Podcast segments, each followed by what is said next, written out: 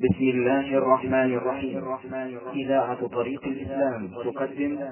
تقدم وحده لا شريك له أم يتخذ المخلوق هذا آلهة أخرى مع الله جل وعلا؟ وهذه مسألة ولا شك عظيمة. الإنسان خلق لهذه الغاية لكن يحتاج إلى من يبصره بهذه الغاية ويعلمه القصد من خلقه ويعلمه كيف يصل إلى عبادة ربه على الوجه الذي يرضى به الله جل وعلا عنه. فبعث الله جل وعلا رسلا مبشرين ومنذرين يدلون الخلق إلى وعلى خالقهم. يعرفونهم بمن يستحق العبادة وحده ويعرفونهم بالطريق التي أذن من خلقهم أن يعبدوه بها. قال جل وعلا وما أرسلناك في نبينا محمد عليه الصلاة والسلام وما أرسلناك إلا كافة للناس بشيرا ونذيرا. وقال جل وعلا كما أرسلنا إلى فرعون رسولا. إنا أرسلنا إليكم رسولا شاهدا عليكم كما أرسلنا إلى فرعون رسولا. فكل أمة قد فيها نذير. كما قال جل وعلا وإن من أمة إلا خلا فيها نذير. نذير ينذرهم. ويبشرهم يبشر من أطاعه وينذر من النار ويخوف من النار. ولقد بعثنا في كل أمة رسولا أن اعبدوا الله واجتنبوا الطاغوت. فثبت في هذه النصوص أن الله جل وعلا لم يترك الخلق وشأنهم بعد أن خلقهم بل بعث لهم رسلا يعلمونهم ويهدونهم ويبصرونهم الطريق التي يرضى الله جل وعلا بها أن يعبدوه بها دون ما سواها من الطرق الموصلة. وتلكم الطريق طريق واحدة ليست بطرق متعددة كما قال جل وعلا اهدنا اهدنا الصراط المستقيم فهو صراط واحد وهناك شرط أخرى هي شرط أهل الضلال والجهل والغواية والهوى. أما الطريق الموصل إلى الله جل وعلا فهو طريق المرسلين الذي جاءوا به من عند الله جل وعلا وهو دين الإسلام العام. كما قال جل وعلا إن الدين عند الله الإسلام. باستسلام لله جل وعلا بالتوحيد والانقياد له بالطاعة والبراءة من الشرك وأهله. الرسل بينوا للناس هذه الغاية ودلوهم على عبادة الله جل وعلا وحده دون ما سواه. فقامت العداوة بين الرسل وبين أقوامهم في هذا الأصل حيث إن الخلق يريدون أن يعبدوا الله جل وعلا بالطريقة التي يحبون لا بالطريقة التي يحبها الله جل وعلا. ولهذا قال بعض أئمة السلف ليس الشأن أن تحب ولكن الشأن أن تحب.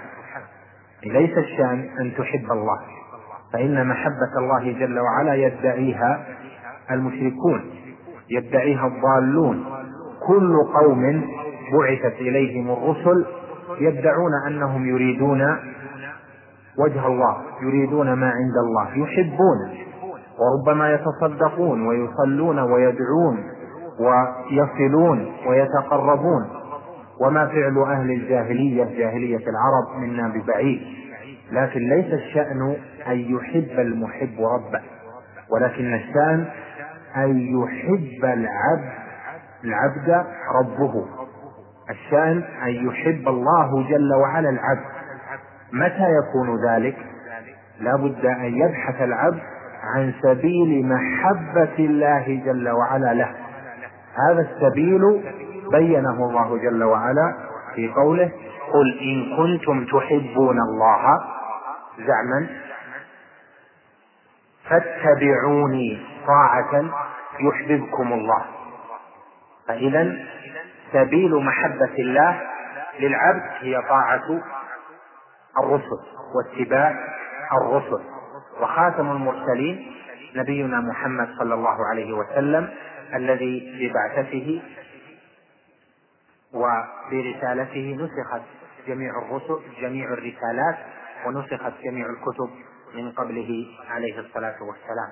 فبقي للناس طريق واحد يصلون به إلى ربهم جل وعلا ألا وهو طريق محمد عليه الصلاة والسلام.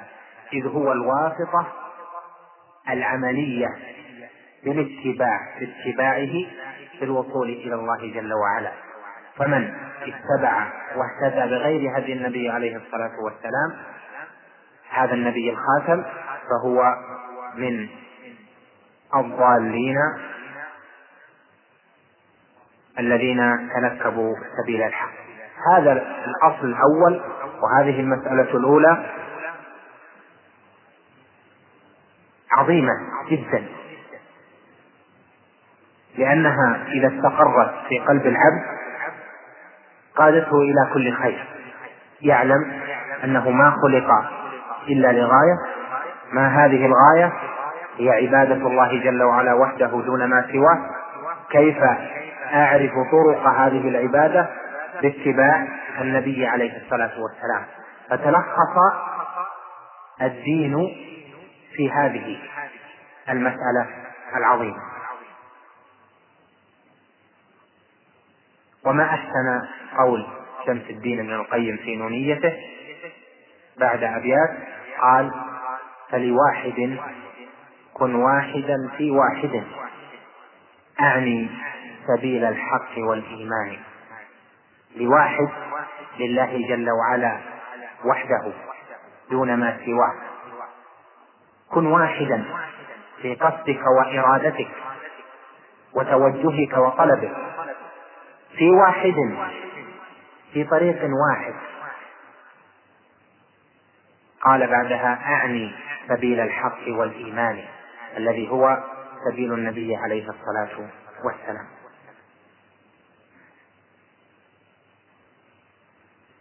المسألة الثانية أن الله جل وعلا لا يرضى أن يشرك معه أحد في عبادته. لا ملك مقرب ولا نبي مرسل. بل كل عبيد لله جل وعلا. الله جل وعلا إنما يرضى التوحيد. يرضى أن يعبد وحده دون ما سواه.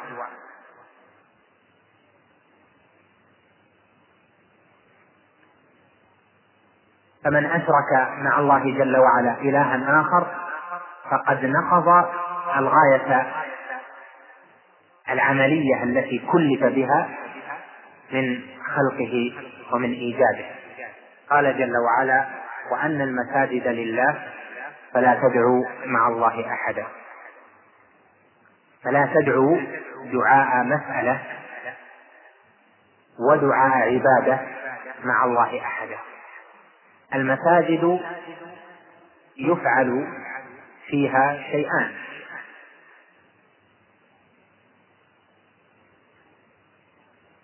سؤال. سؤال الله جل وعلا دعاء الله جل وعلا دعاء المسألة. هذا نوع. والثاني عبادة الله جل وعلا بأنواع العبادات من الصلاة الفرض والنفل ومن التلاوة ومن الذكر ومن التعلم والتعليم ونحو ذلك. قال جل وعلا وأن المساجد لله. المساجد أقيمت لله جل وعلا لعبادته وحده دون ما سواه. فلا تدعوا لا دعاء مسألة أحدا غير الله ولا تدعو دعاء عبادة أحدا غير الله.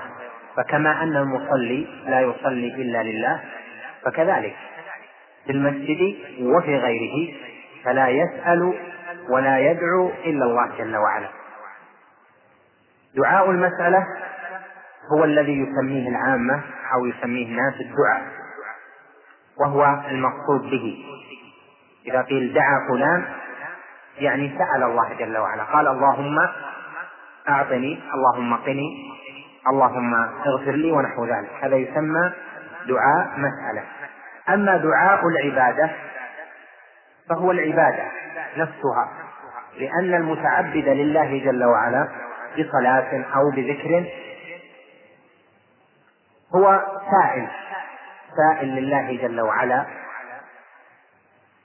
لأنه في أثناء أو إنما عبد وصلى أو صام أو زكى أو ذكر أو تلا رغبة في الأجر كأنه سأل الله جل وعلا الثواب. لهذا يقال الدعاء قسمان دعاء مسألة ودعاء عبادة. قال جل وعلا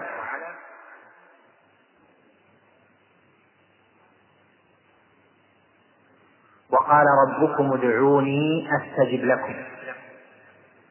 إن الذين يستكبرون عن عبادتي سيدخلون جهنم داخرين. فقال في أول الآية ادعوني وقال في آخرها إن الذين يستكبرون عن عبادتي. فدل على أن الدعاء عبادة أو هو العبادة. ولهذا فسر السلف قوله ادعوني أستجب لكم الاستجابة هنا فسرت بتفسيرين أستجب بمعنى أعطيكم ما سألتم أو أثبكم. ادعوني أثبكم. إذا كانت في هذا التفسير ادعوني أثبكم بهذا المعنى فيكون الدعاء هنا دعاء بمعنى العبادة يعني هي المتعلق بها الثواب. وإذا كانت الاستجابة هنا أو يعني الإجابة بمعنى إعطاء السول فيكون الدعاء هنا دعاء مسألة. وهذه المسألة مقررة تقريرا واضحا في كتب أهل العلم. ألا وهي أن قوله تعالى وأن المساجد لله فلا تدعوا مع الله أحدا أنه يشمل نوعي العبادة نوعي الدعاء. دعاء المسألة ودعاء العبادة.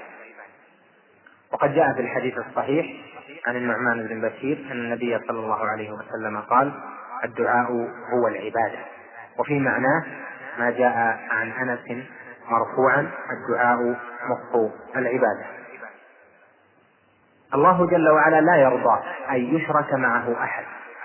قد يتوهم أن المخلوق إذا بلغ إلى غاية عظيمة أنه يمكن أن يوصل إلى الله جل وعلا.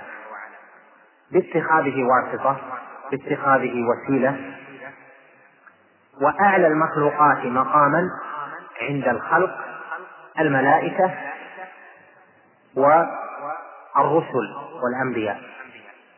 لهذا نفى الشيخ رحمه الله تعالى هذين فقال الله جل وعلا لا يرضى أن يشرك معه أحد. لا نبي مقرب ولا ملك لا ملك مقرب ولا نبي مرسل.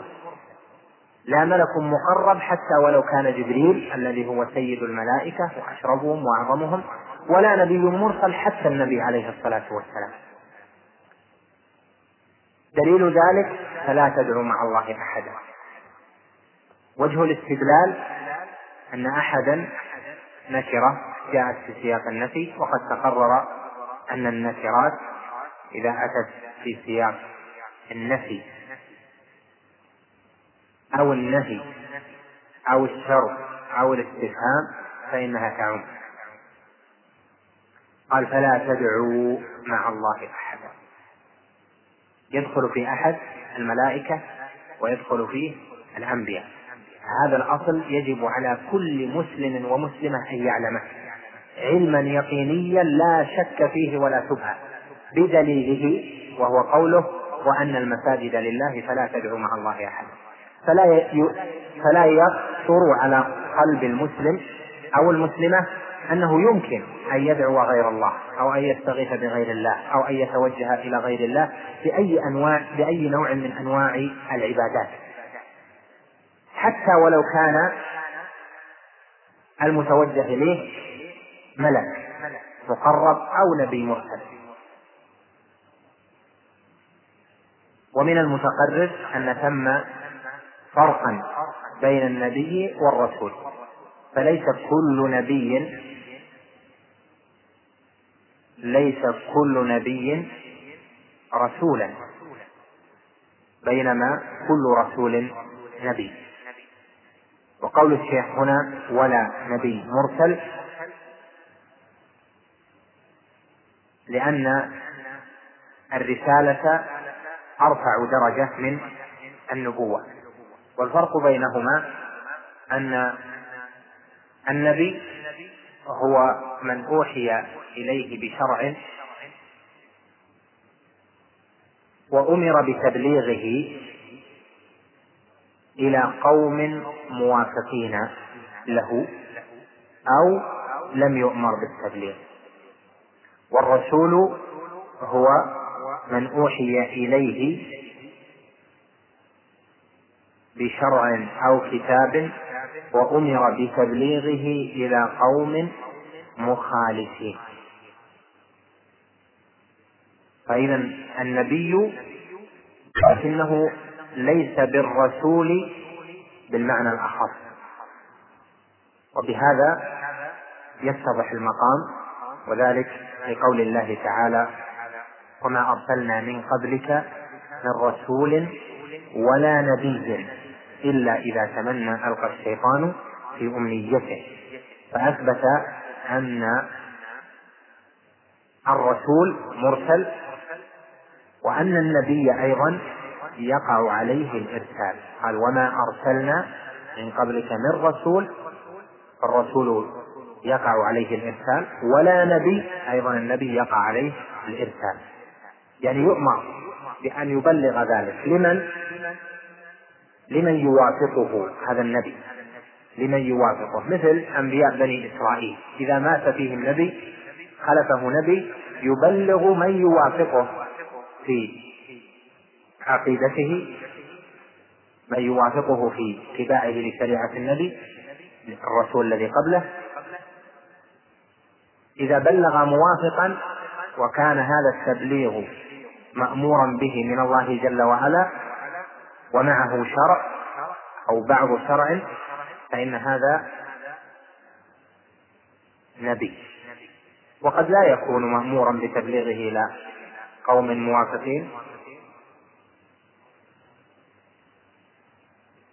فقد يبلغ نفسه وعلى هذا يحمل في أحد تفاسير أو شروح العلماء ما جاء في الحديث أن النبي يأتي يوم القيامة وليس معه أحد. قد يكون لأنه لم يستجب له وقد يكون لأنه إنما أمر أو أوحي إليه لنفسه لا لغيره. المسألة الثالثة أن من وحد الله وأطاع الرسول واتبع دين الإسلام لا يجوز له أن يوالي من حاد الله ورسوله ولو كان أقرب قريب. لا يجوز له أن يوالي من حاد الله ورسوله ولو كان ذلك أباه أو أمه أو أخاه أو أخته أو قريبة. وذلك لقول الله تعالى لا تجد قوما يؤمنون بالله واليوم الآخر يوادون من حاد الله ورسوله ولو كانوا آباءهم أو أبناءهم إلى آخر الآية. وقال جل وعلا يا أيها الذين آمنوا لا تتخذوا آباءكم وإخوانكم أولياء إن استحبوا الكفر على الإيمان. ومن يتولهم منكم فأولئك هم الظالمون. وقال جل وعلا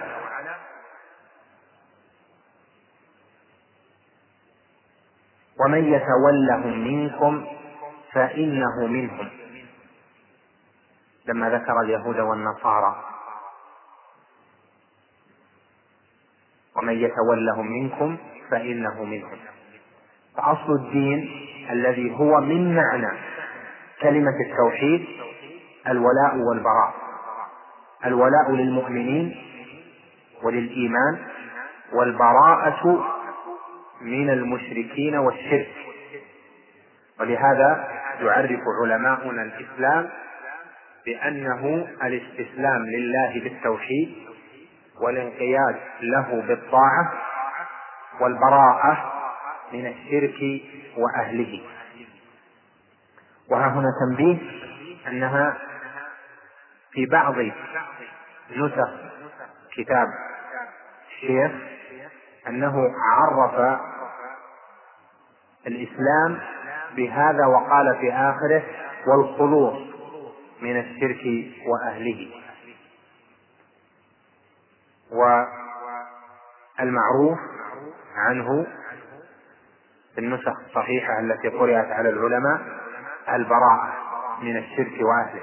لأن البراءة تشمل الخلوص والزيادة وهي الموافقة لقول الله جل وعلا وإذ قال إبراهيم لأبيه وقومه إنني براء مما تعبدون إلا الذي فطرني. هنا قال لا يجوز لمن وحد الله وأطاع الرسول واتبع دين الإسلام أن يوالي أحدا من المشركين.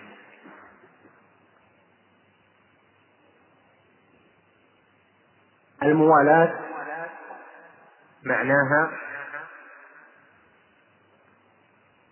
أن تتخذه وليا وأصلها من الولاية. والولاية هي المحبة. قال جل وعلا هنالك الولاية لله الحق. يعني هنالك المحبة والمودة والنصرة لله الحق. فأصل الموالاة المحبة والمودة. ولهذا استدل بقوله لا تجد قوما يؤمنون بالله واليوم الآخر يوادون ففسر الموالاة بأنها الموادة. وهذا معناه أن أصل الموالاة في القلب وهو محبة الشرك أو محبة أهل الشرك. والكفر.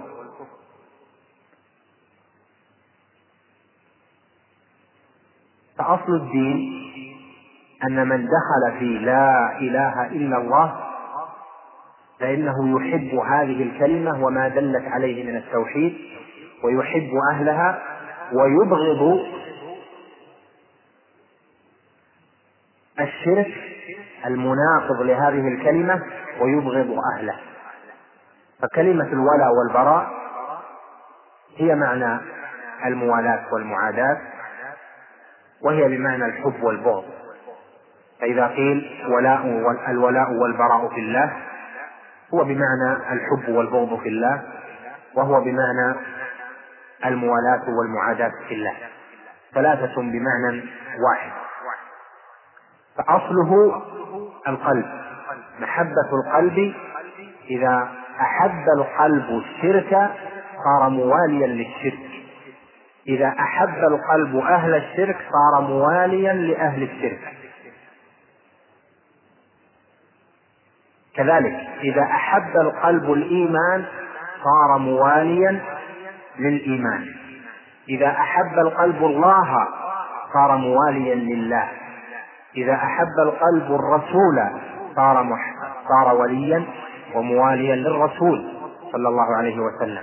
وإذا أحب القلب المؤمنين صار مواليا ووليا للمؤمنين. قال جل وعلا إنما وليكم الله ورسوله والذين آمنوا الذين يقيمون الصلاة ويؤتون الزكاة وهم راكعون. ومن يتولى الله ورسوله والذين آمنوا فإن حزب الله هم الغالبون. يعني من يحب وينصر الله ورسوله والذين آمنوا فإن حزب الله هم الغالبون.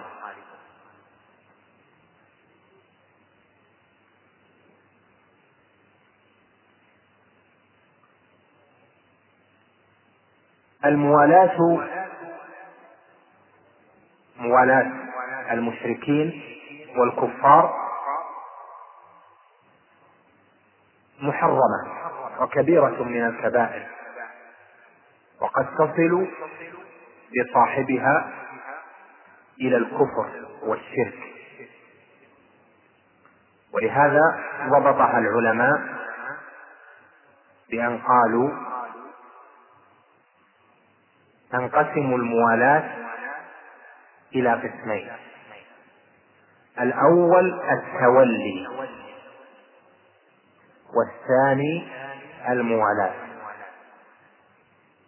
الموالاة باسمها العام تنقسم إلى إلى التولي وإلى موالاة.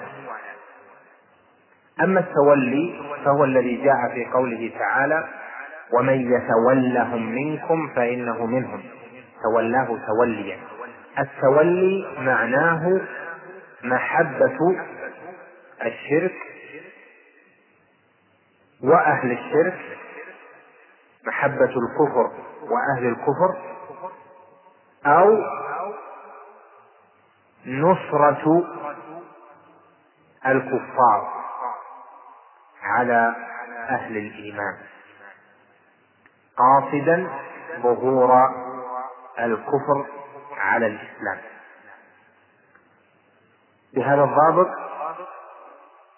يتضح معنى التولي والتولي كما ذكرت لكم تولي الكفار والمشركين كفر أكبر. وإذا كان من مسلم فهي ردة. ما معنى التولي؟ معناه محبة الشرك وأهل الشرك لاحظ الواو. أو يعني أن يحب الشرك وأهل الشرك جميعا مجتمعة أو أن لا يحب الشرك ولكن ينصر المشرك على المسلم قاصدا ظهور الشرك على الإسلام. هذا الكفر الأكبر الذي إن فعله مسلم صار ردة في حقه والعياذ بالله. القسم الثاني موالاة. والموالاة محرمة من جنس محبة المشركين والكفار لأجل دنياهم أو لأجل قراباتهم أو لنحو ذلك. وضابطه أن يكون تكون محبة أهل الشرك لأجل الدنيا. ولا يكون معها نصرة لأنه إذا كان معها نصرة على المسلم بقصد ظهور الشرك على الإسلام صار توليا من القسم المكفر. فإن أحب المشرك والكافر لدنياه وصار معه نوع موالاة معه لأجل الدنيا فهذا محرم ومعصية وليس كفرا. دليل ذلك قوله تعالى يا أيها الذين آمنوا لا تتخذوا عدوي وعدوكم أولياء تلقون إليهم بالمودة. قال علماؤنا رحمهم الله تعالى أثبت الله جل وعلا في هذه الآية أنه حصل ممن ناداهم باسم الإيمان اتخاذ المشركين والكفار أولياء بإلقاء المودة لهم. وذلك كما جاء في الصحيحين وفي التفسير في قصة حاطب المعروفة حيث إنه أرسل بخبر رسول الله صلى الله عليه وسلم وهذه عظيمة من العظائم للمشركين لكي يأخذوا حذرهم من رسول الله صلى الله عليه وسلم. فلما كشف الأمر قال عمر رضي الله عنه للنبي عليه الصلاة والسلام يا رسول الله دعني أضرب عنق هذا المنافق قال عمر قال النبي عليه الصلاة والسلام لعمر اتركه يا عمر يا حاطب ما حملك على هذا؟ فدل على اعتبار القصد ما حملك على هذا. دل على اعتبار القصد. لأنه إن كان قصد ظهور الشرك على الإسلام وظهور المشركين على المسلمين فهذا يكون نفاقا وكفرا. وإن كان له مقصد آخر فله حكمه. قال عليه الصلاة والسلام مستبينا الأمر ما حملك يا حاطب على هذا؟ قال يا رسول الله والله ما حملني على هذا محبة الشرك وكراهة الإسلام. ولكن ما من أصحابك ما من أحد من أصحابك إلا وله يد يحمي بها ماله في مكة. وليس لي يد أحمي بها مالي في مكة. فأردت أن يكون لي بذلك يد أحمي بها مالي في مكة. فقال النبي عليه الصلاة والسلام صدقكم الله جل وعلا قال في بيان ما فعل حاطب ومن يفعله منكم فقد ضل سواء السبيل. يعني حاطبا. ففعله ضلال. وما منعه ما منع النبي عليه الصلاة والسلام من إرسال عمر أو ترك عمر إلا أن حاطبا لم يخرج من الإسلام بما فعل. ولهذا جاء في رواية أخرى قال إن الله اطلع على أهل بدر فقال افعلوا ما شئتم فقد غفرت لكم. قال العلماء لعلمه جل وعلا بأنهم يموتون ويبقون على الإسلام. دلت هذه الآية وهي قوله تعالى يا أيها الذين آمنوا لا تتخذوا عدوي وعدوكم أولياء تلقون إليهم بالمودة مع بيان سبب نزولها من قصة حاطب أن إلقاء المودة للكافر لا يسلب اسم الإيمان لأن الله نادى ناداهم باسم الإيمان فقال يا أيها الذين آمنوا مع إثباته جل وعلا أنهم ألقوا المودة. ولهذا استفاد العلماء من هذه الآية ومن آية سورة المائدة ومن يتولهم منكم فإنه منهم ومن آية المجادلة التي ساقها الشيخ لا تجد قوما يؤمنون بالله واليوم الآخر يوادون من حاد الله ورسوله إلى أن الموالاة تنقسم إلى تول وموالاة. الموالاة الاسم العام منه تول وهو المكفر بالضابط الذي ذكرت لك ومنه موالاة وهي نوع المودة لأجل الدنيا ونحو ذلك. والواجب أن يكون المؤمن محبا لله جل وعلا ولرسوله وللمؤمنين وأن لا يكون في قلبه مودة للكفار ولو كان لأمور الدنيا.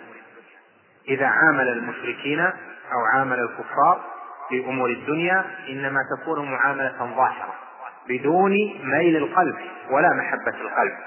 لما؟ لأن المشرك حمل قلبا فيه مسبة الله جل وعلا. لأن المشرك ساب لله جل وعلا بفعله إذ اتخذ مع الله جل وعلا إلها آخر. والمؤمن متول لله جل وعلا ولرسوله وللذين آمنوا.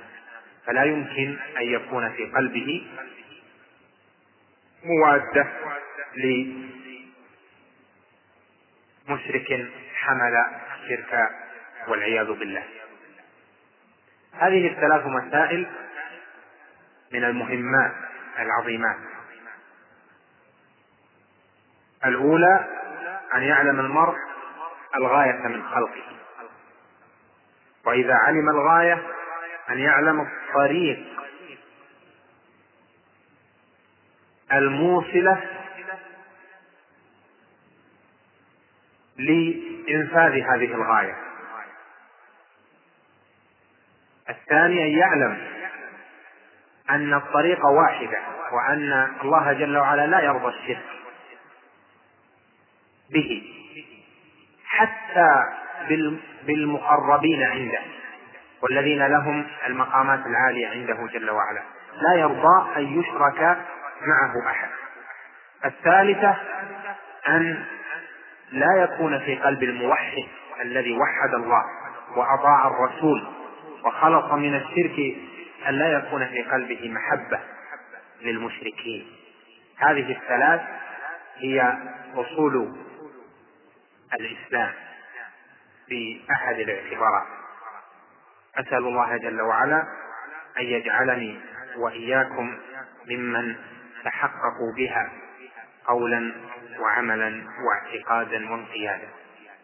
نعم. اعلم ارشدك الله لطاعته أن الحنيفية ملة إبراهيم أن تعبد الله وحده مخلصا له الدين وبذلك أمر الله جميع الناس وخلقهم لها. كما قال تعالى وما خلقت الجن والإنس إلا ليعبدون ومعنى يعبدوني يوحدوني.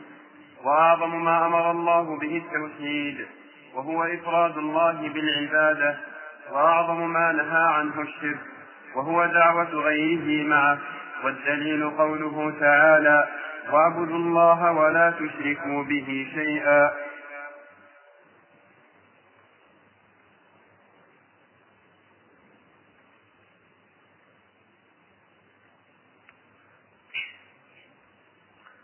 هذا فيه تلطف ثالث منه رحمه الله تعالى حيث دعا للمتعلم بقوله اعلم أرشدك الله.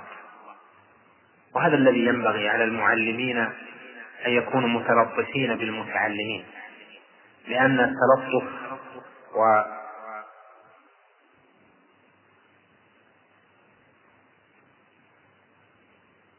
التعامل معهم بأحسن ما يجد المعلم هذا يجعل قلب المتعلم قابلا للعلم منفتحا له مقبلا عليه. فيقول إن الحنيفية ملة إبراهيم عليه السلام. هي التي أمر الله جل وعلا نبيه وأمر الناس أن يكون عليها. قال جل وعلا ثم أوحينا إليك أن اتبع ملة إبراهيم حنيفا.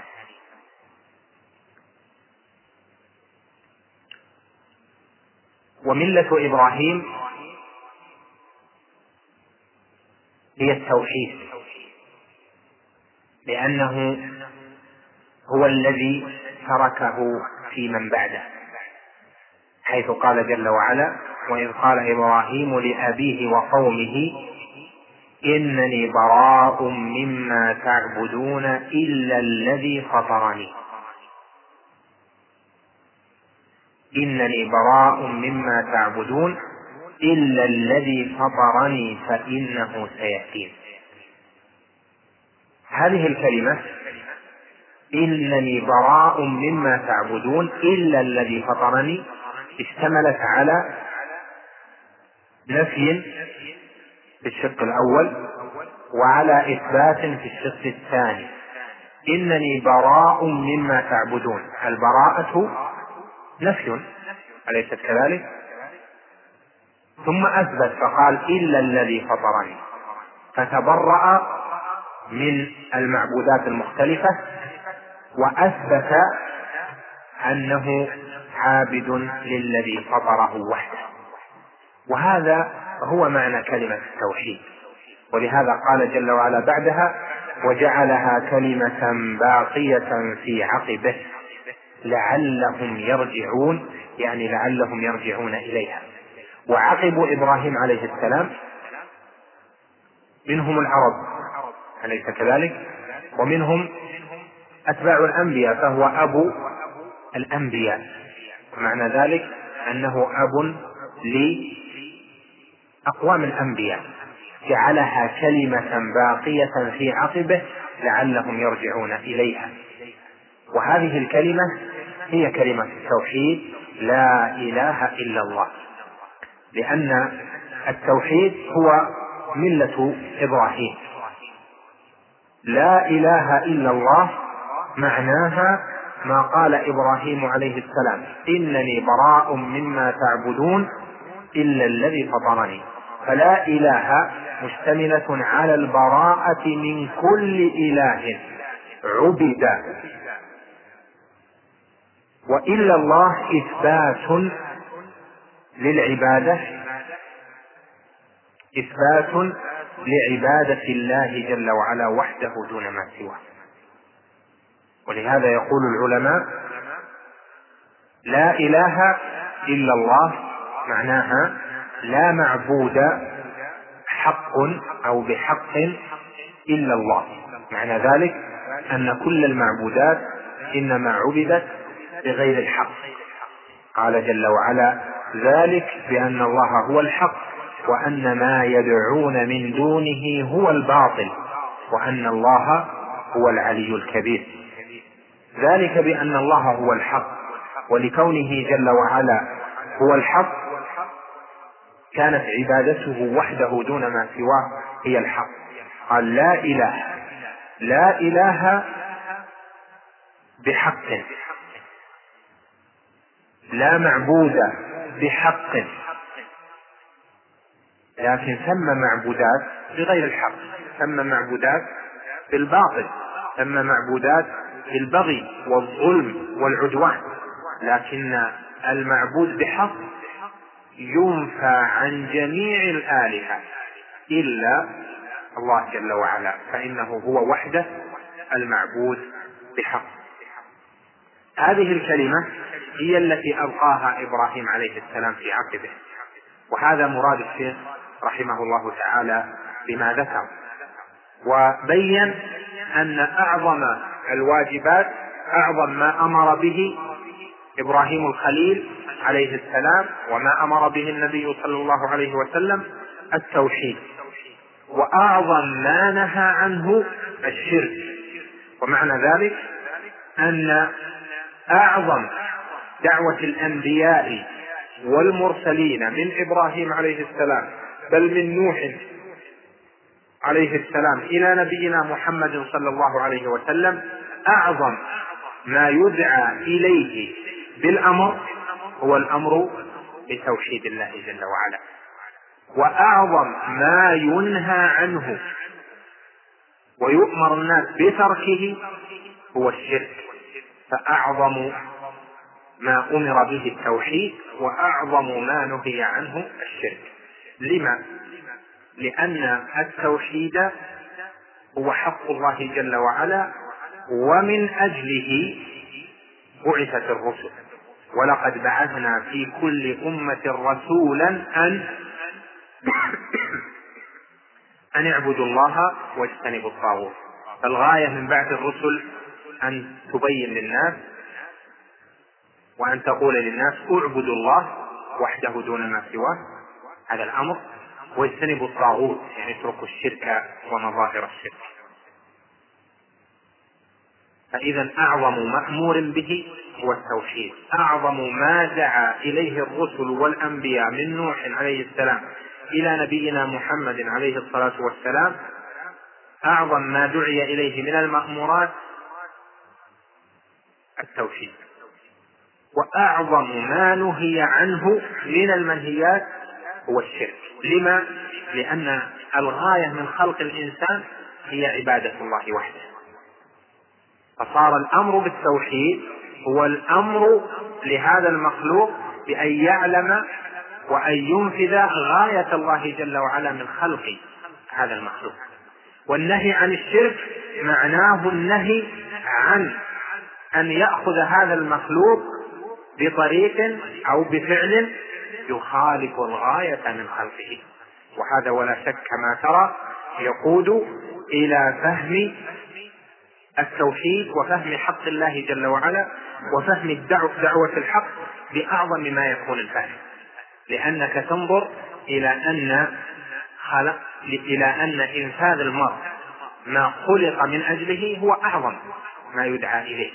ونهي المرء عن ما يصده عما خلق من أجله هذا أعظم ما ينهى عنه. ولهذا كانت دعوة المصلحين ودعوات المجددين على مر العصور في هذه الأمة هي بالدعوة إلى التوحيد ولوازمه والنهي عن الشرك وذرائعه أسأل الله جل وعلا أن يزيدني وإياكم من العلم النافع وأن يمن علينا بالعمل الصالح وبالفهم والسداد وصلى الله وسلم على نبينا محمد. وعلى آله وصحبه أجمعين. قال المصنف رحمه الله تعالى فإذا قيل لك ما الأصول ما الأصول الثلاثة التي يجب على الإنسان معرفتها فقل معرفة العبد ربه ودينه ونبيه محمد صلى الله عليه وسلم.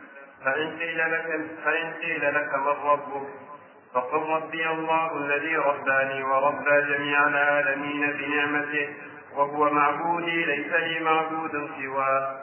والدليل قوله تعالى الحمد لله رب العالمين. وكل ما سوى الله عالم وأنا واحد من ذلك العالم. فإن قيل لك بما عرفت ربك فإن قيل لك بما عرفت ربك فقل بآياته ومخلوقاته ومن آياته الليل والنهار والشمس والقمر. ومن مخلوقاته السماوات السبع والأرضون السبع. ومن وما بينهما والدليل قوله تعالى ومن آياته الليل والنهار والشمس والقمر لا تسجدوا للشمس ولا للقمر واسجدوا لله الذي خلقهن إن كنتم إياه تعبدون. وقوله تعالى إن ربكم الله الذي خلق السماوات والأرض في ستة أيام ثم استوى على العرش يغشي الليل النهار يطلبه حثيثا والشمس والقمر والنجوم مسخرات بأمره ألا له الخلق والأمر. تبارك الله رب العالمين. والرب هو المعبود. والدليل قوله تعالى يا أيها الناس اعبدوا ربكم الذي خلقكم والذين من قبلكم لعلكم تتقون. الذي جعل لكم الأرض فراشا والسماء بناء وأنزل من السماء ماء فأخرج به من الثمرات رزقا لكم. فلا تجعلوا لله أندادا وأنتم تعلمون. قال ابن كثير رحمه الله تعالى الخالق لهذه الأشياء هو المستحق للعبادة. بسم الله الرحمن الرحيم. الحمد لله رب العالمين والصلاة والسلام على نبينا محمد وعلى آله وصحبه أجمعين.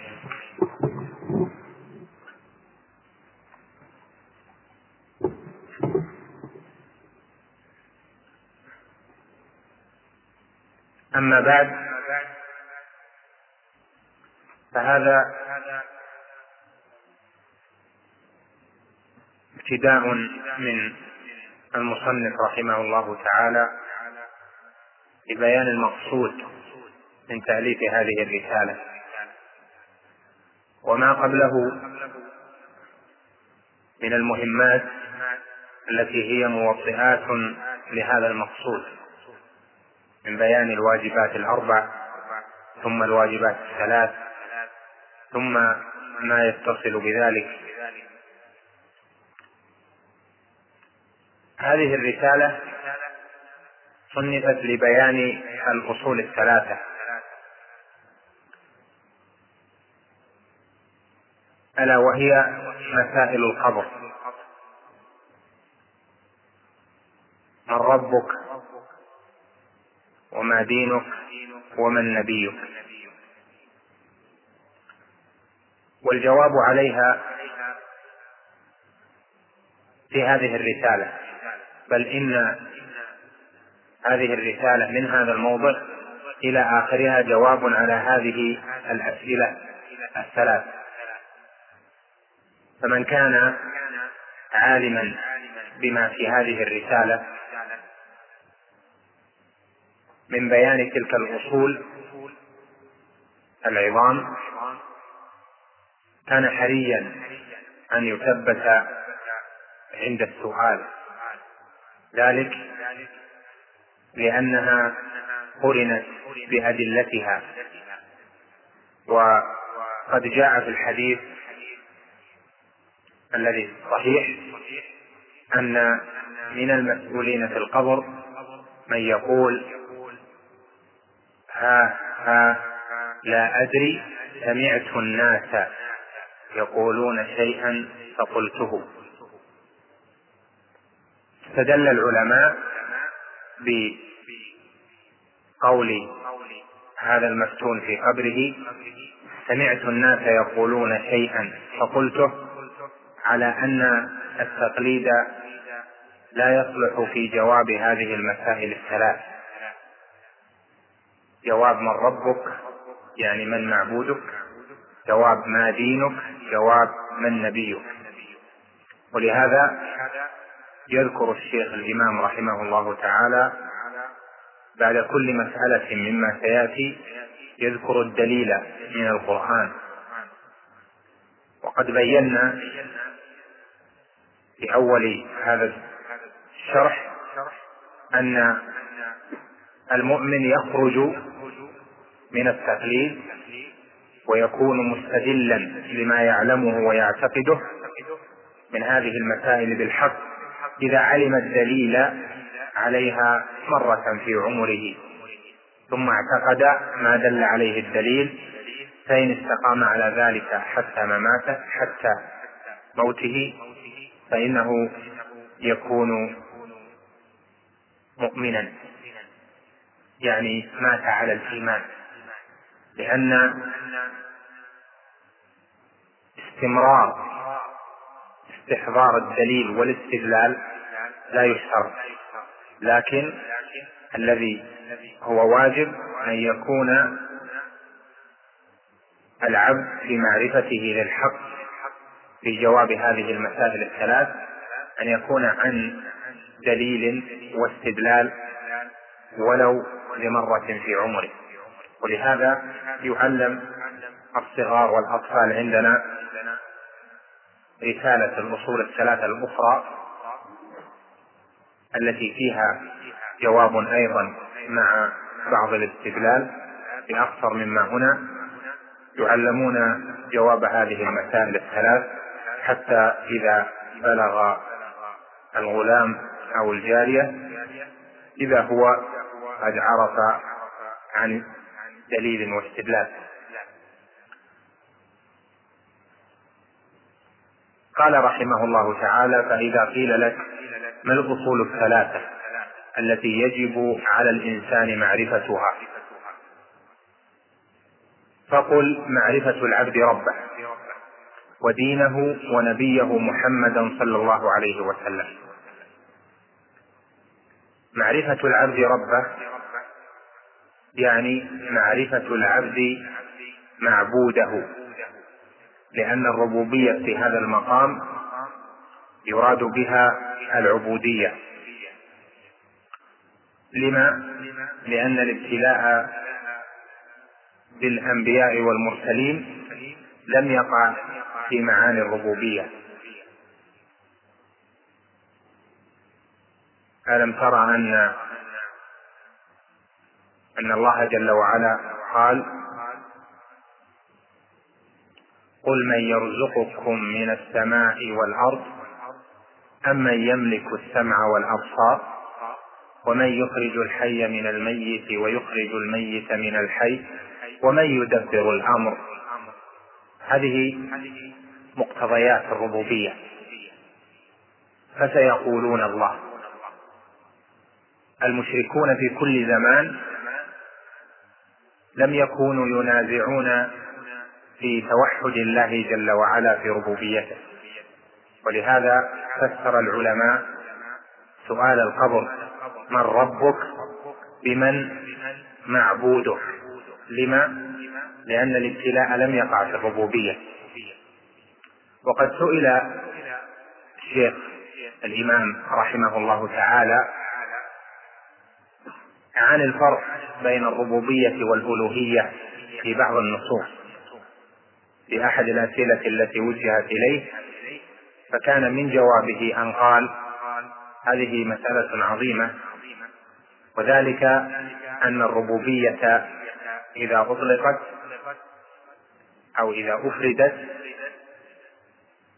فإنه يدخل فيها الألوهية لأن الربوبية تستلزم الألوهية وتوحيد الربوبية يستلزم توحيد الإلهية. والألوهية تتضمن الربوبية لأن الموحد لله جل وعلا في ألوهيته هو ضمنا مقر بأن الله جل وعلا واحد في ربوبيته. ومن أيقن بأن الله جل وعلا واحد في ربوبيته استلزم ذلك استلزم ذلك أن يكون مقرا بأن الله جل وعلا واحد في استحقاقه العبادة. ولهذا تجد في القرآن أكثر الآيات فيها إلزام المشركين بما أقروا به ألا وهو توحيد الربوبية على ما أنكروه ألا وهو توحيد الإلهية. من مثل قول الله جل وعلا في سورة الزمر ولئن سألتهم من خلق السماوات والأرض ليقولن الله. هذا توحيد الربوبية. قال بعدها قل أفرأيتم ما تدعون من دون الله؟ إن أرادني الله بضر هل هن كاشفات ضره؟ أو أرادني برحمة هل هن ممسكات رحمته؟ قل حسبي الله عليه يتوكل المتوكلون. قال قل أفرأيتم. والفاء هنا رتبت ما بعدها على ما قبلها وما قبلها هو توحيد الربوبية وما بعدها هو توحيد الإلهية. ولهذا في القرآن يكثر أن يحتج على المشركين بإقرارهم بتوحيد الربوبية على ما أنكروه ألا وهو توحيد الإلهية. لهذا قال جل وعلا ولا يأمركم أن تتخذوا الملائكة والنبيين أربابا أيأمركم بالكفر بعد إذ أنتم مسلمون؟ المعنى هنا بأربابا أي معبودين. وكذلك قوله تعالى اتخذوا أحبارهم ورهبانهم أربابا من دون الله يعني معبودين. لأن عدي بن حاتم لما قال للنبي عليه الصلاة والسلام إنا لم نعبدهم.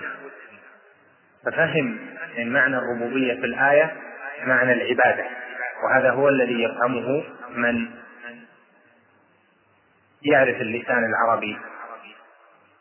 قال النبي عليه الصلاة والسلام كما هو معروف ألم يحلوا لكم الحرام فأحللتموه ألم يحرموا عليكم الحلال فحرمتموه؟ قال بلى. قال فتلك عبادتهم. إذا الربوبية تطلق ويراد منها العبودية في بعض المواضع.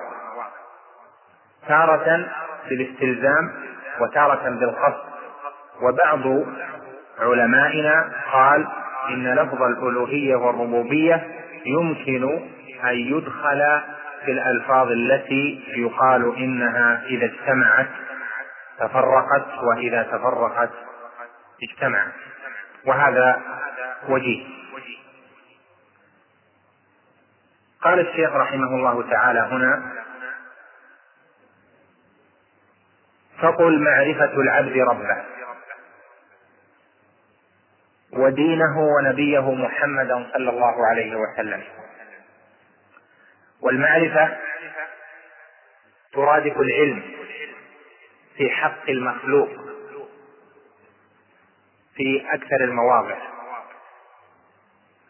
أما في حق في حق الله جل وعلا فإن الله جل وعلا يوصف بالعلم ولا يوصف بالمعرفة. وذلك لأن العلم قد لا يسبقه جهل بينما المعرفة يسبقها جهل. عرف الشيء بعد أن كان جاهلا به لكن العلم قد لا يسبقه جهل به. ولهذا يوصف الله جل وعلا بالعلم ولا يوصف بالمعرفة أيضا يقال إن التعبير بالعلم أوجه في المواضع التي يحتاج فيها إلى التعبير بالمعرفة. وذلك لأن المعرفة أكثر ما جاءت في القرآن مذمومة لأنه يتبع المعرفة الإنكار. أما العلم فأتي به في القرآن ممدوحا. قال جل وعلا الذين آتيناهم الكتاب يعرفونه كما يعرفون أبناءهم. الذين خسروا أنفسهم فهم لا يؤمنون. فهنا وصفهم بالمعرفة ثم بين أن معرفتهم تلك لم تنفعهم. وقال جل وعلا يعرفون نعمة الله ثم ينكرونها. لكن العلم أثني عليه في القرآن.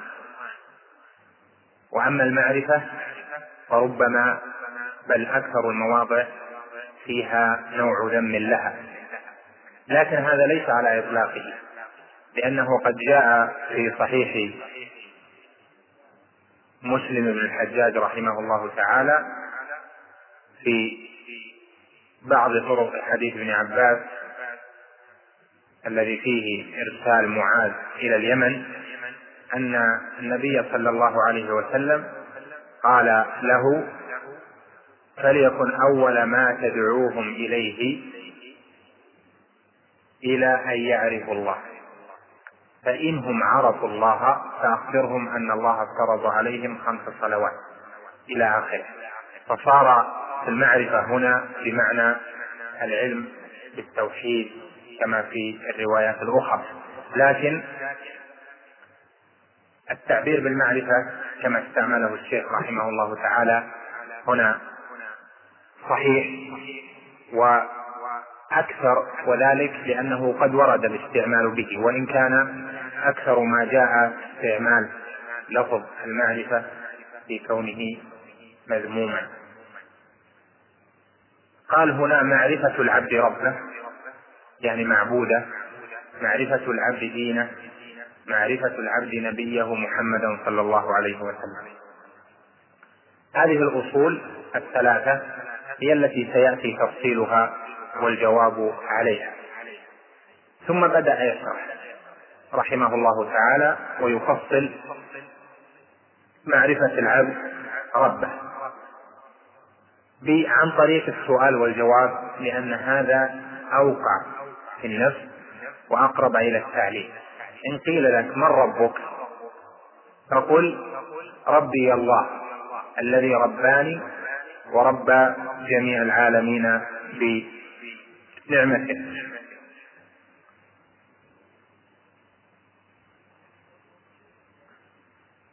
لفظ الربوبية فيه معنى التربية. رباه تربية. ومعنى التربية تدريج المربى في مصاعد الكمال. كل كمال بحسبه. وأعظم أنواع التربية التي ربى بها الله جل وعلا.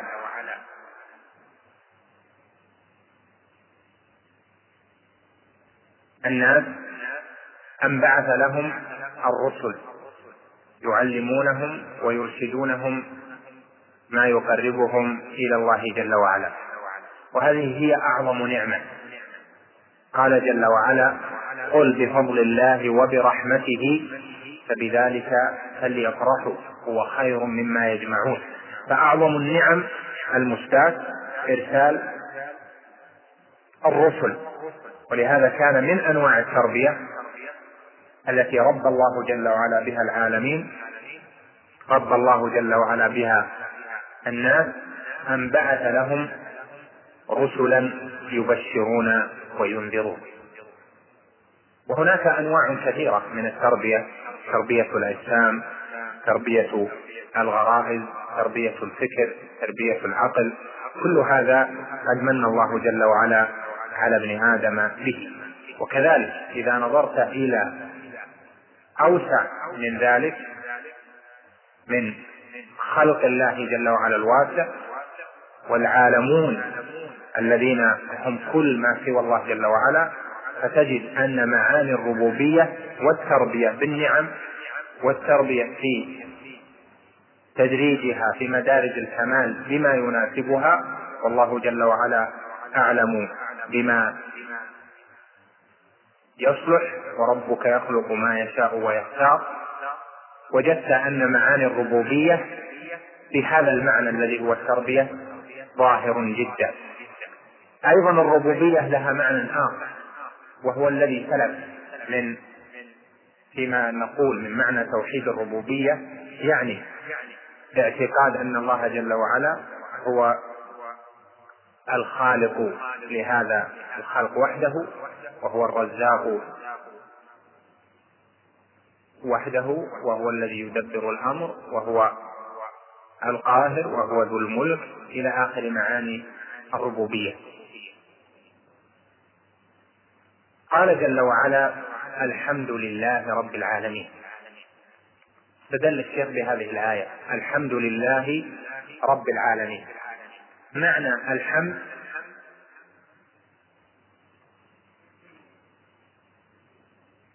كل حمد. لأن الألف واللام هنا للاستغراق. استغراق أنواع الحمد. فكل حمد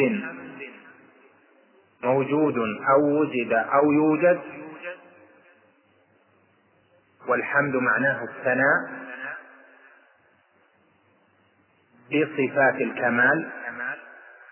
فهذا الحمد وهو الثناء بصفات الكمال لله. واللام هنا للاستحقاق يعني مستحقا لله جل وعلا. الحمد لله كل أنواع الحمد وجميع أنواع المحامد مستحقة لله. لأن اللام هنا لام الاستحقاق. اللام تارة تكون للملك وهذا إذا كان ما قبلها من الأعيان. وتارة تكون للاستحقاق. وهي إذا كان ما قبلها من المعاني. إذا قلت الدار لفلان الدار عين فتكون اللام لفلان يعني ملك. إذا كان ما قبل اللام معنى صارت اللام للاستحقاق. تقول الفخر لفلان يعني الفخر مستحق يستحقه فلان. الحمد لله. الحمد معنى. لهذا صارت اللام بعده للاستحقاق. فكل حمد مستحق لله. الإله الذي لا يعبد بحق إلا هو. هذا الإله نعته أنه رب العالمين. رب العالمين.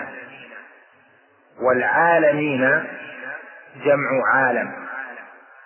والعالم اسم لأجناس ما يعلم وهو كل ما سوى الله جل وعلا. كما قال الشيخ رحمه الله تعالى وكل من سوى الله عالم وأنا واحد من ذلك العالم. عالم الإنسان عالم الطير عالم النبات عالم الملائكة عالم الجن عالم السماوات عالم الأراضين. عالم الماء إلى آخره. كل ما سوى الله جل وعلا عالم وأنا واحد من ذلك العالم. والعالمون جمع عالم. والعالم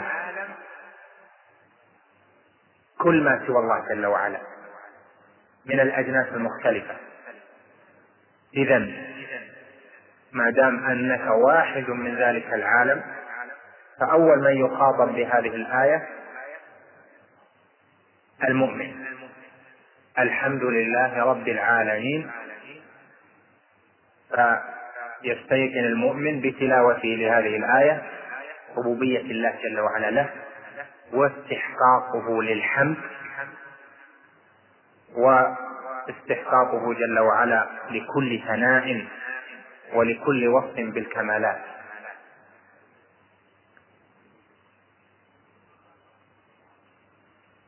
ثم قال رحمه الله فإذا قيل لك بما عرفت ربك.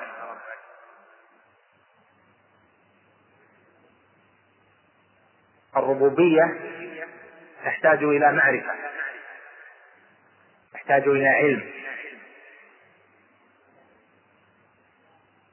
وهذا العلم جاء في القرآن الدلالة عليه. قال جل وعلا قل انظروا ماذا في السماوات والأرض. وقال جل وعلا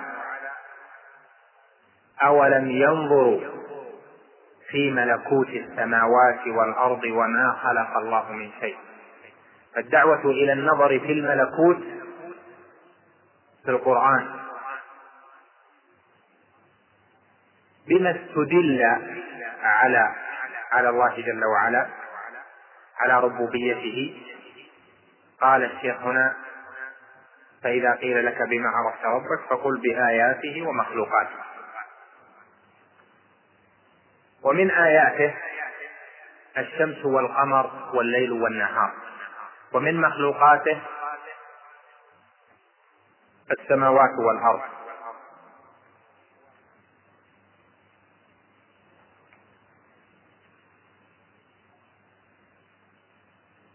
لا شك أن الليل والنهار والشمس والقمر من آيات الله.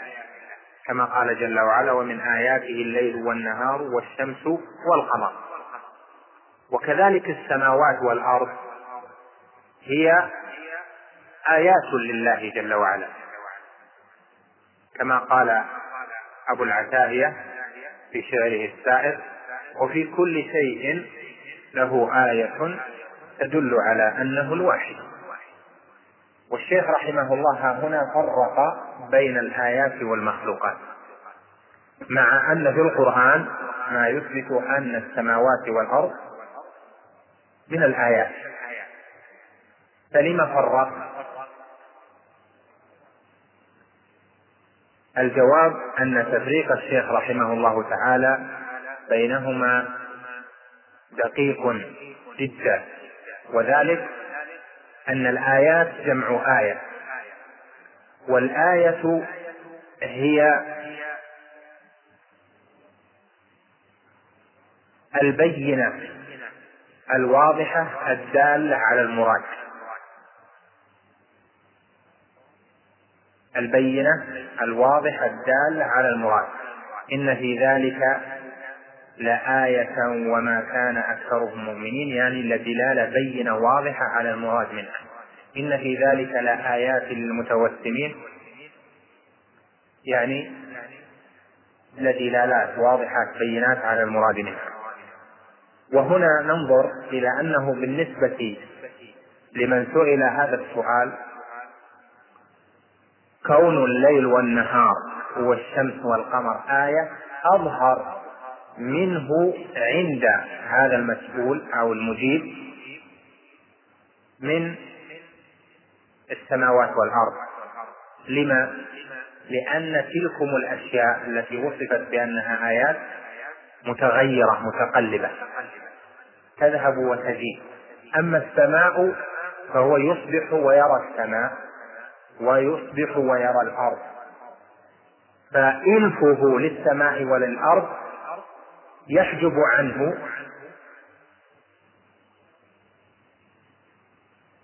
كون هذه آيات. لكن الأشياء المتغيرة التي تذهب وتجيء هذه أظهر في كونها آية. ولهذا إبراهيم الخليل عليه السلام طلب الاستدلال بالمتغيرات. قال جل وعلا وكذلك نري إبراهيم ملكوت السماوات والأرض وليكون من الموقنين. فلما جن عليه الليل رأى كوكبا. قال هذا ربي. فلما أفل قال لا أحب الآفلين. لما؟ لأنه استدل بهذه الحركة على الحدود. استدل بهذا التنقل على أنه آية لغيره. فلما رأى القمر بازغا استدل بالقمر.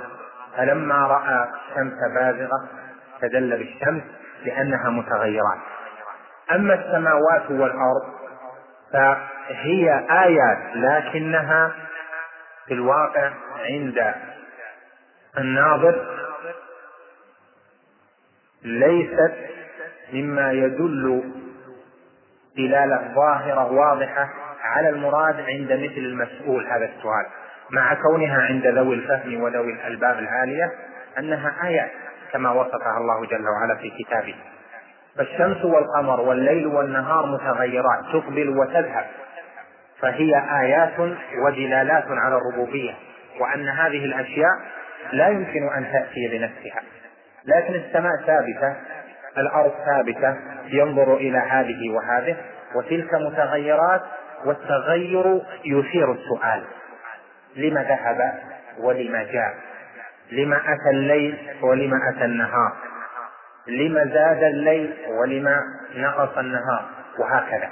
فهي في الدلالة أكثر من دلالة المخلوقات مع أن في الجميع دليلا ودلالة. لهذا قال فإذا قيل لك بما عرفت ربك قل بآياته ومخلوقاته فالآيات تدل على معرفة الله والعلم بالله وكذلك المخلوقات تدل على العلم بالله والمعرفة بالله. لكن ما سماه آيات أخص مما سماه مخلوقات. وهذا جواب اعتراف قد اعترض به بعضهم على الشيخ رحمه الله تعالى في تفريقه بين الآيات والمخلوقات وتفريقه رعاية لحال من يعلم هذه الأصول تفريق دقيق مناسب رحمه الله تعالى.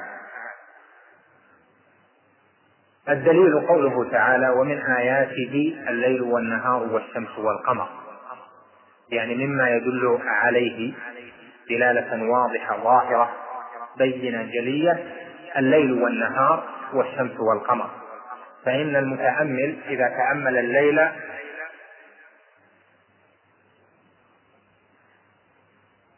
والنهار وجد هذا يدخل في هذا وذاك يدخل في ذاك وهذا يطول وذاك يقصر.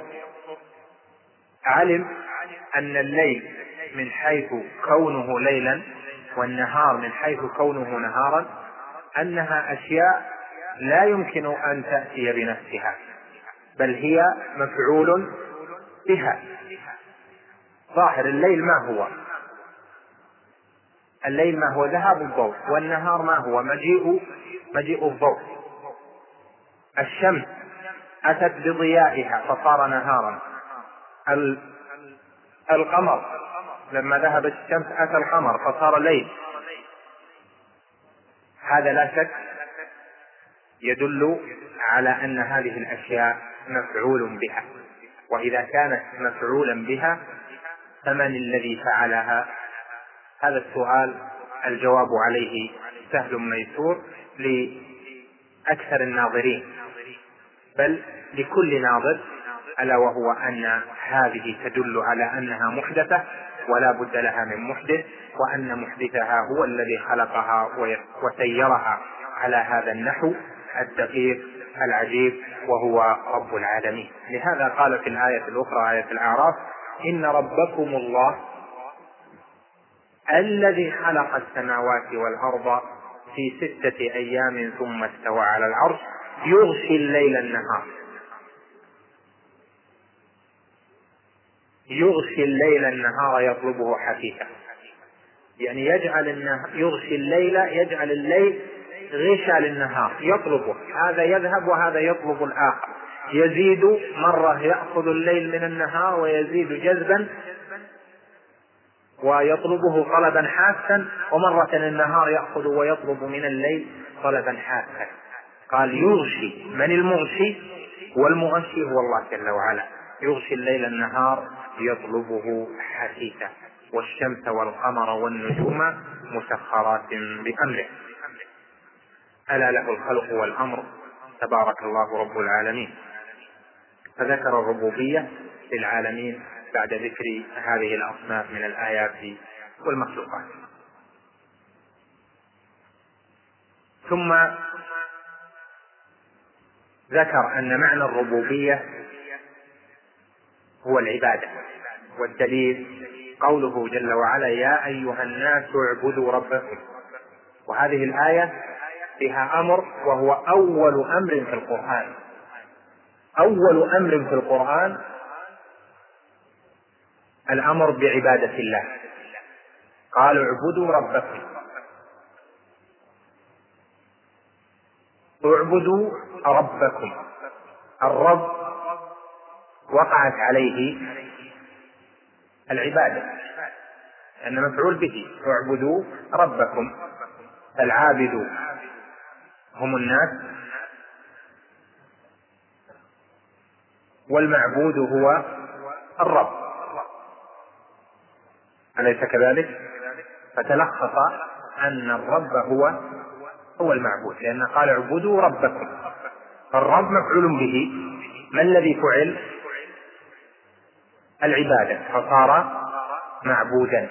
ولهذا ساق عن ابن كثير رحمه الله تعالى أن من فعل هذه الأشياء هو المستحق للعبادة.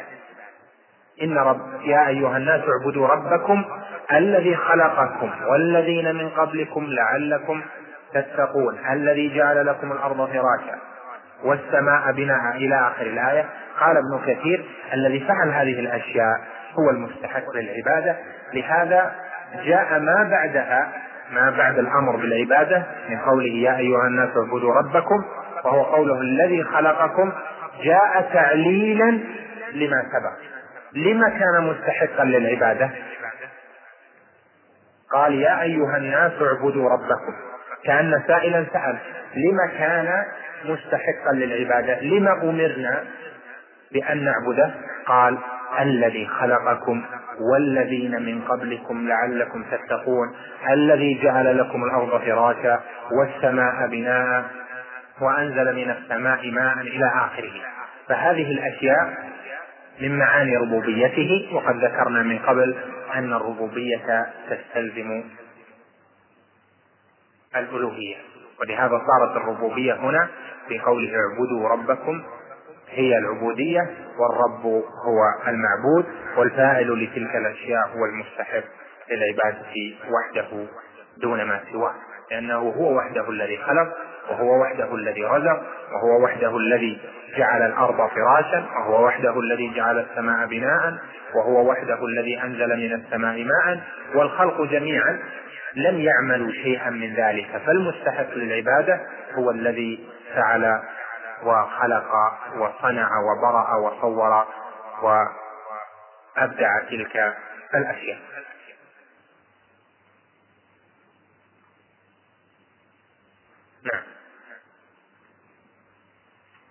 نعم.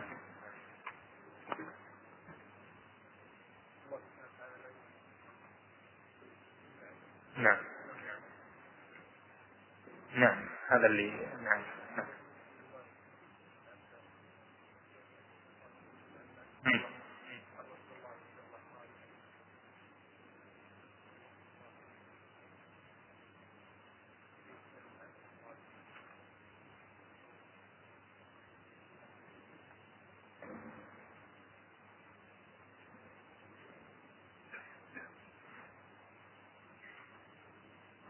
كما هو متقرر. الأخ يسأل سؤال وجيه وهو أنه جاء في حديث ابن عباس تعرف إلى الله في الرخاء يعرفك في الشدة. فهنا يقول الأخ وصف الله بأنه بأنه ذو معرفة وأنه يعرف. وهذا فيه نظر لأنه المتقرر في القواعد في الأسماء والصفات أن باب الأفعال أوسع من باب الصفات. وباب الصفات أوسع من باب الأسماء وباب الأخبار أوسع من باب الأفعال وباب الصفات وباب الأسماء. فقد يطلق ويضاف إلى الله جل وعلا فعل ولا يضاف إليه الصفة كما أنه قد يوصف الله جل وعلا بشيء ولا يشتق له من الصفة من الصفة اسما ولهذا يدخل في هذا كثير مما جاء مثل صفة صفة مثل ما وصف الله جل وعلا به نفسه في قوله ويمكرون ويمكر الله. يستهزئون الله يستهزئ بهم إن الله لا يمل حتى تملوا. ونحو ذلك مما جاء مقيدا بالفعل ولم يذكر صفة بالاسم. فهذا يقال فيه أنه يطلق مقيدا. ويمكن أن يحمل عليه حديث ابن عباس هذا. تعرف إلى الله في الرخاء يعرفك في الشدة. نقول إن الله جل وعلا يعرف في الشدة من تعرف عليه في الرخاء. على نحو تلك القاعدة. كما يقال إن الله جل وعلا يمكر بمن مكر به يستهزئ بمن استهزأ به يخادع من خادع. ولا يقال إن الله جل وعلا ذو مكر وذو استهزاء وذو مخادعة هكذا مطلقا بالصفة وإنما كما هي القاعدة أن باب الأفعال أوسع من باب الصفات. الأخ يسأل يقول ما الفرق بين الحمد والشكر؟ هناك فروق كثيرة بين الحمد والشكر لكن الذي يربطها أن الحمد هو الثناء باللسان. والثناء على كل جميل وأما الشكر فمورده اللسان والعمل.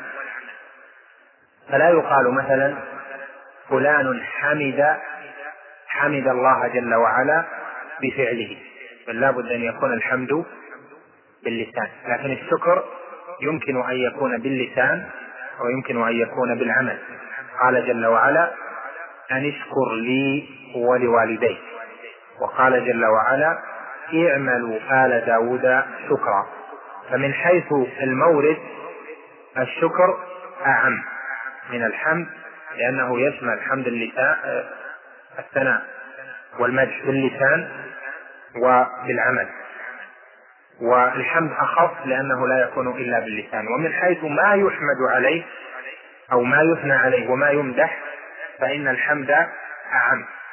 فهذا من الأشياء التي يقول فيها العلماء إن بينهما عموم وخصوص يجتمعان في شيء ويفترقان في شيء. نعم. وأنواع العبادة التي أمر الله بها مثل الإسلام والإيمان والإحسان ومنه الدعاء والخوف والرجاء والتوكل والرغبة والرهبة والخشوع والخشية والإنابة والاستعانة والاستعانة والاستغاثة والذبح والنذر. وغير ذلك من العبادة التي أمر الله بها كلها لله والدليل قوله تعالى وأن المساجد لله فلا تدعوا مع الله أحدا. فمن صرف منها شيئا لغير الله فهو مشرك كافر. والدليل قوله تعالى ومن يدعو مع الله إلها آخر لا برهان له به فإنما حسابه عند ربه إنه لا يفلح الكافرون. وفي الحديث الدعاء مخ العبادة. والدليل قوله تعالى وقال ربكم ادعوني أستجب لكم. إن الذين يستكبرون عن عبادتي سيدخلون جهنم داخلين ودليل الخوف لما تقرر أن الرب هو المعبود